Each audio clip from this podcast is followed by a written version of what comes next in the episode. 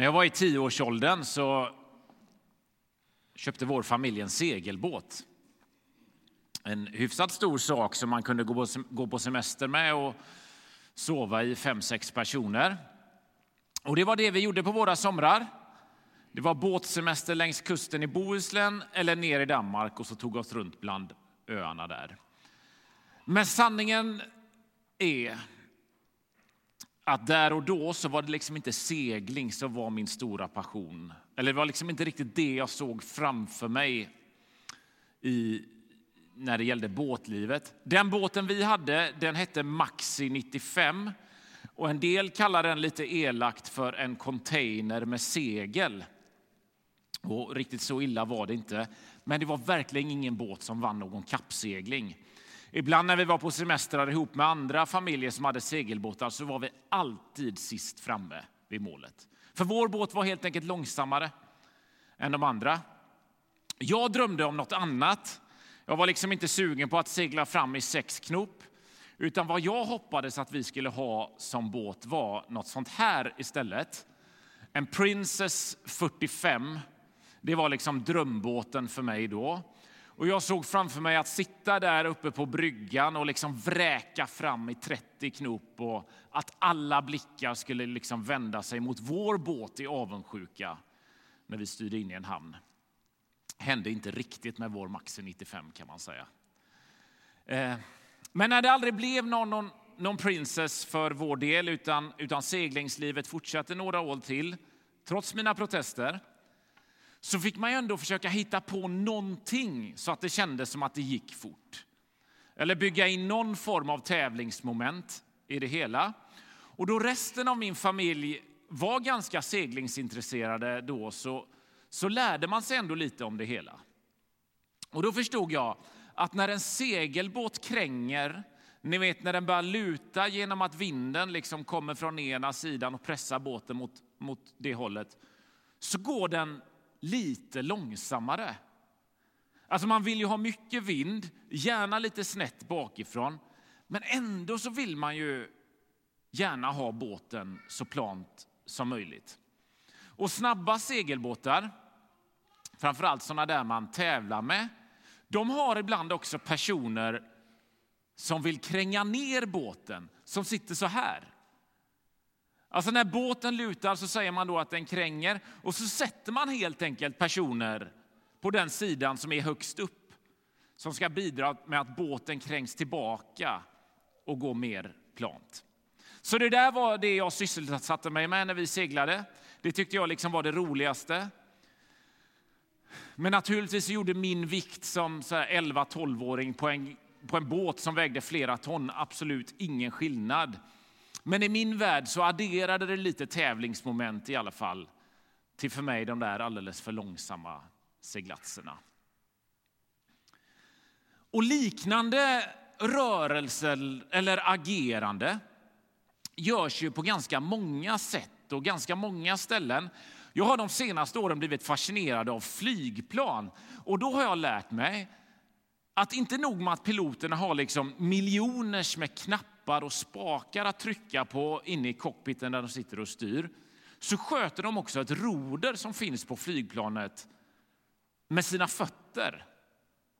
Och framförallt så verkar det vara så att det används när planet är på start eller landningsbanan. För att om vinden eller annat kan göra att planet dras lite åt höger eller lite åt vänster så kan piloterna motarbeta det där med hjälp av rodret som sitter på fenan längst bak på flygplanet. Så när segelbåten kränger för mycket så försöker man åtgärda det med tyngd och kraft. Om flygplanet går för mycket åt ena eller andra hållet så kan piloterna motarbeta det med rodret som de styr med sina fötter. Men frågan är, hur gör vi, hur gör du och jag? Hur kränger vi, hur drar vi åt ett håll när vi märker att livet inte riktigt går dit det borde? Om vi märker att våra liv är på väg att ta riktningar som vi inte vill, inte vill, inte borde, hur motarbetar vi det? Det finns såklart olika vägar att gå kring det. När vi ser att vi stressar för mycket så kan det ju vara vila eller liksom byta rytm och byta prioriteringar i livet, vilket vi kanske behöver. När vi blir passiva och inaktiva så kan det ju vara ett projekt att sätta tänderna i. Men vad gör vi när vårt liv dras åt det håll som Bibeln beskriver är människans grundfrestelse? Det som Maria läste förut om i bibeltexten. Alltså när människan frestas att ta Guds plats. Vad gör vi då? Det stod att ormen, djävulen, sa så här till människan. Gud vet att den dag ni äter av frukten öppnas era ögon och ni blir som gudar med kunskap om gott och ont. Ormens erbjudande till Adam och Eva var att de skulle bli som gudar. Alltså, Gud finns. Han har dikterat villkoren för era liv. Men gör ni det som jag säger, lockar ormen, så behövs inte Gud längre. Alltså ni själva blir som gudar. Alltså genom att ta en tugga av detta så slipper ni Gud.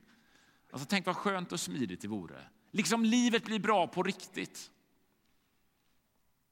Och så är åt dem. Och så händer syndafallet. Synden kommer in i världen, döden, ensamheten, lidandet, ondskan. Alltså vad som syntes vara rätt väg för människan, eller i alla fall vad ormen sa var rätt väg, blev ju inte alls rätt väg för dem. Och inte heller för något annat i skapelsen. Om du backar bandet några kapitel, precis när Gud har skapat människan, så står det att Gud säger så här. Gud skapade människan till sin avbild, till Guds avbild skapade han henne. Som man och kvinna skapade han dem. Gud välsignade dem och sa till dem, var fruktsamma och föröka er. Uppfyll jorden och lägg den under er. Alltså det här tänker vi ju ofta handlar om reproduktion. Gör barn för att bli många. Och säkert handlar det ju om detta. Men vad man med facit i hand kan inse att detta betyder också är se till att leva ert liv för andra än er själva. Jag minns att just den kommentaren var det man fick höra ganska många gånger när vi skulle bli föräldrar för första gången. Du kommer inse ganska snabbt att du själv inte längre är viktigast i livet. Alltså just den tanken om att bära med sig det, det lägger Gud ner i varje människa när vi skapas. Från grunden så är våra liv tänkta att riktas till andra människor. Att låta andra vara viktigast. Det gäller inte bara de som får barn, utan det här är något som Gud tänkt på olika sätt för olika människor. Men så kommer ormen, frästa människan till att äta frukten, till att vara sin egen Gud, inte bryr sig om Gud som har skapat henne och som sa att vi skulle vara fruktsamma och föröka oss. Att låta livets viktigaste vara andra människor. Och Det första som händer efter syndafallet är att Kain och Abel, Adam och Evas två barn, hamnar ute på en åker. Kain slår ihjäl Abel och när Gud konfronterar honom om vad som hänt så svarar han så här. Skulle jag ta hand om min bror Alltså ser ni rörelsen från att vara fruktsamma och föröka er till att äta frukten, till att ta Guds plats i våra egna liv, till död. Och skulle jag ta hand om min bror? Nu tror jag inte alltid konsekvenserna är så här drastiska. Men om vi liknas vid segelbåten som kränger för mycket eller flygplanet som styrs åt ena eller andra hållet Alltså vi dras åt den där originalfrestelsen allihop om att bli våra egna gudar.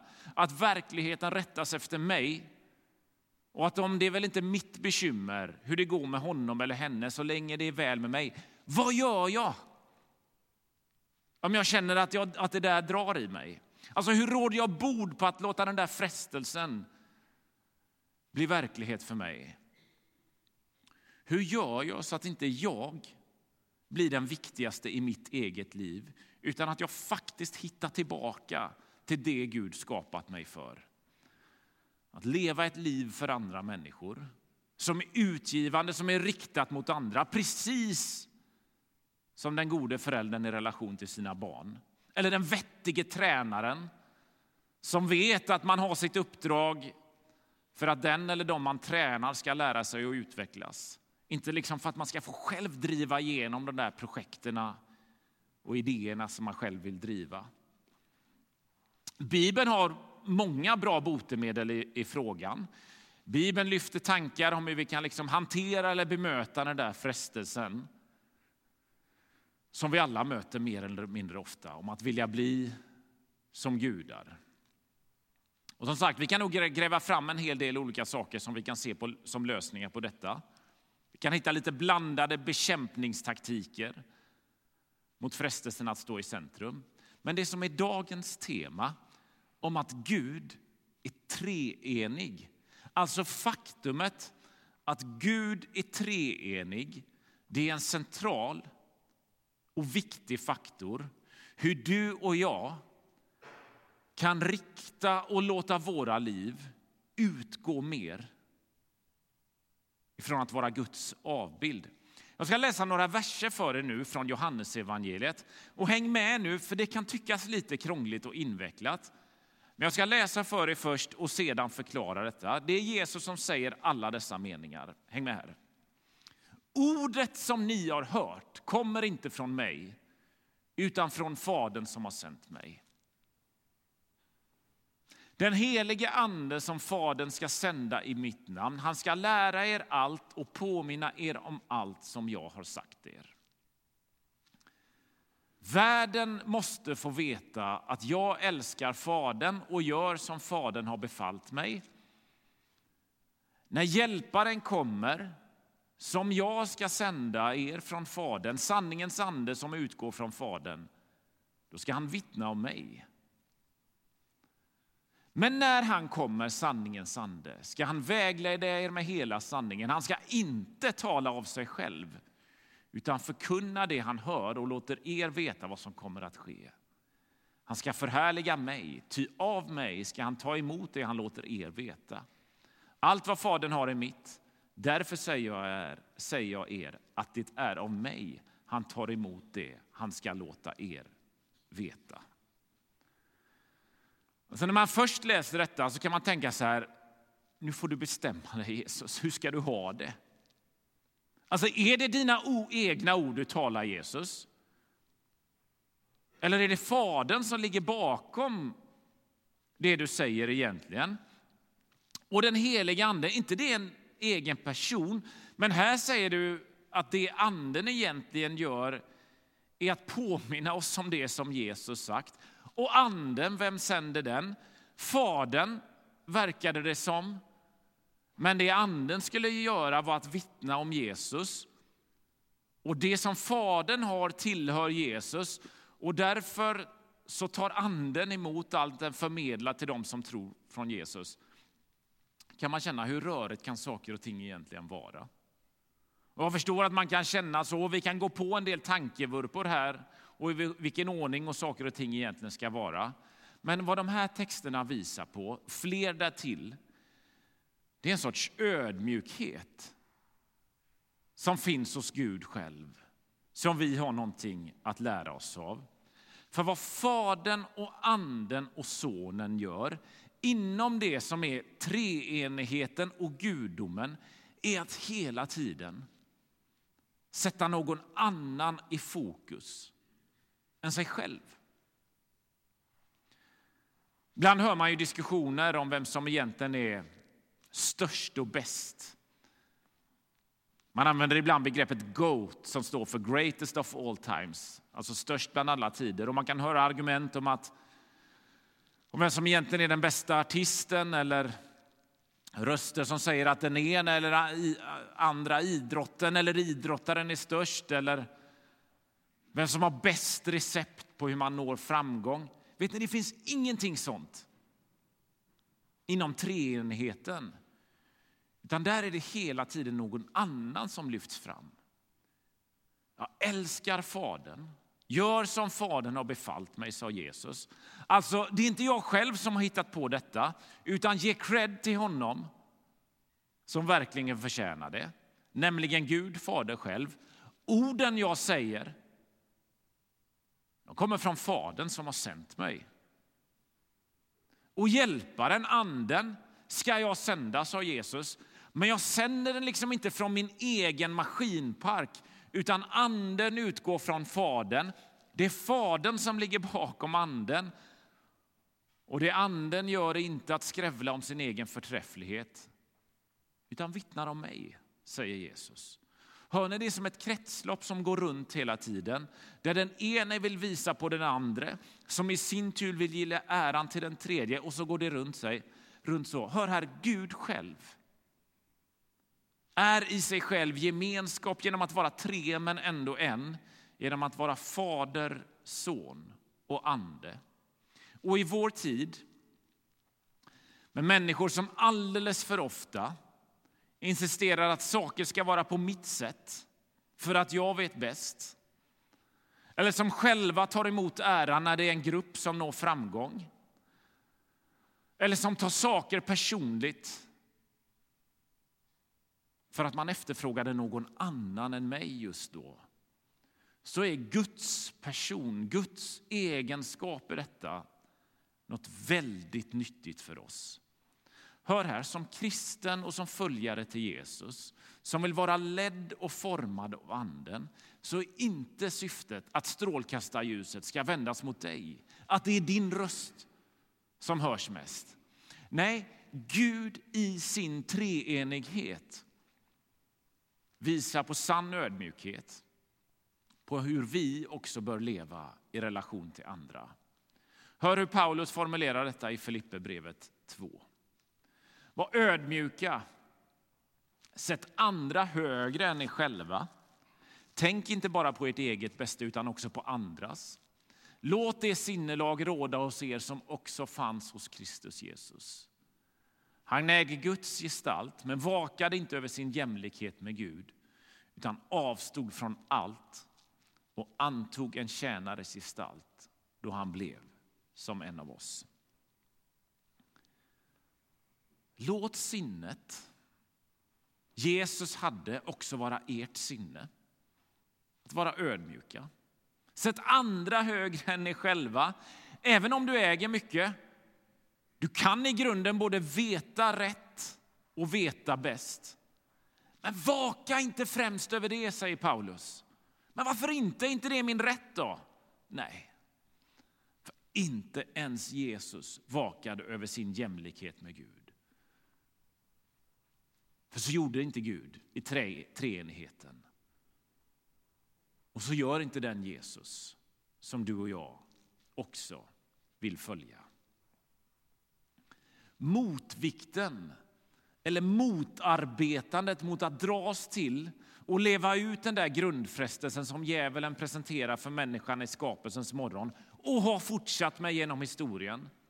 Att vilja bli som gudar, att hamna högst och ställa oss i centrum.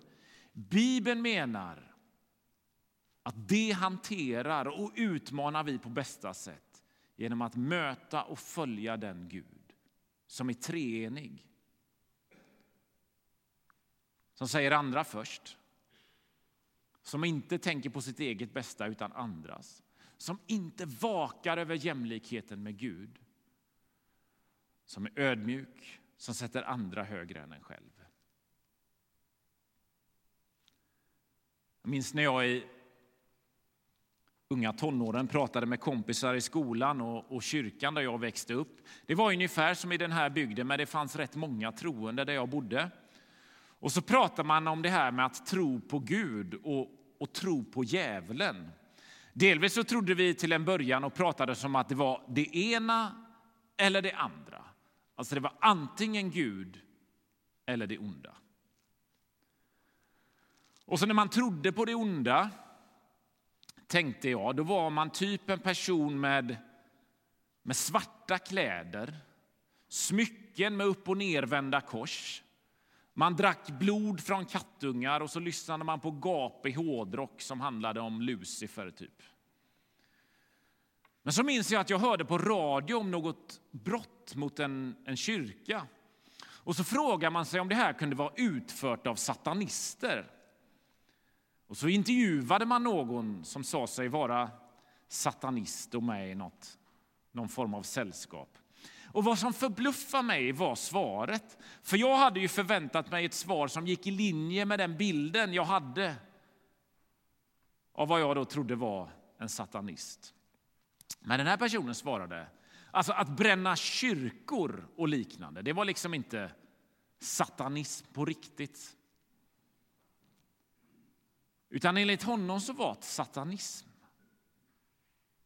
att sätta sig själv först. Alltså deras mission var inte att ha ihjäl folk eller liksom tillbe djävulen på samma sätt som när vi sjunger lovsång till Gud. Utan han jag lyssnade på sa till och med, du behöver inte ens tro att djävulen finns. Utan det var jag, det var du, det var mitt, det var mina som var grejen. Att livet utgick från mig, att jag var i centrum och det fanns ingen som jag behövde anpassa mig efter, utan jag hade all rätt att göra precis vad jag ville, oavsett om det innebar att trampa på massor av människor för att ta mig dit. Nu betvivlar jag inte alls att det finns den typen av okulta uttryck som, som jag trodde att satanister först var. Man kan säkert säga väldigt mycket mer om detta. Och så kan man ju i första anblick tänka, ja men det var ju skönt, det var inte som jag trodde med satanister, det här känns ju lite snällare. Men vad man inser är att det är precis så här ondskans retorik också ekar i Bibeln. Den dag ni äter av frukten så öppnas era ögon och ni blir som gudar med kunskap om gott och ont. Det vill säga, makten hamnar i dina händer istället för Guds. Kolla, det kommer utgå från dig istället för ifrån någon Gud. Eller när Jesus börjar berätta för sina lärjungar att han ska dö för att översteprästerna ska ha ihjäl honom. Och Jesus vet såklart hela syftet med allting, nämligen mänskligheternas bästa, syndernas förlåtelse. Då säger Petrus till honom, något sånt ska aldrig hända dig. Alltså, du ska inte behöva göra det här, Jesus. Då svarar Jesus till Petrus. Håll dig på din plats, Satan. Dina tankar är inte Guds, utan människors. Man kan tänka att det är kraftfulla ord. Man kan tycka att Jesus överreagerar. Men jag tänker att vi ser mönstret och taktiken, orden och budskapet om att du aldrig ska behöva sätta andra först, ge ut dig för andras bästa. Eller Petrus pående om att Jesus inte skulle behöva ge, ut, ge upp sitt liv och dö för mänsklighetens skull. Det står så långt ifrån det som är Gud. Nämligen att den treenige Gud som vi är skapade till att vara en avbild av som i sig själv är relation och gemenskap som i skapelsen sa till människan att vara fruktsamma och föröker. Alltså lev era liv så att fler får samma förutsättning som ni. Och den Gud som har ett sinnelag som sätter andra högre än en själv, som är ödmjuk och som avstod från att bli, avstod från allt för att bli som en av oss. Det är den guden vi kallas att följa. Och det är sån Jesus också visar hurdan den guden är. Vi ber en bön. Herre, vi inser att vi hamnar snett från mittlinjen hela tiden. Vi dras åt ena eller andra hållet. Eller vi märker att vi behöver någonting som kränger ner våra liv. För vi känner av den där grundfrestelsen om att vilja ställa oss längst upp och hamna i centrum om att bli våra egna gudar. Men du, Herre, du kallar oss till något annat. Du i, sig, i dig själv är gemenskap. Du är ödmjuk, du sätter andra högre än dig själv. Du tänkte inte bara på ditt eget bästa. Och när du lockades till något annat så såg du ifrån på allra tydligaste sätt. Jesus, vi förstår att eh, det kanske är en av de stora utmaningarna i vår tid och i våra liv. Hjälp oss att leva de liven som du utmanar oss till. Låt ditt sinnelag råda hos oss som också råder hos dig. Du som är treenig, som i dig själv är gemenskap. Amen.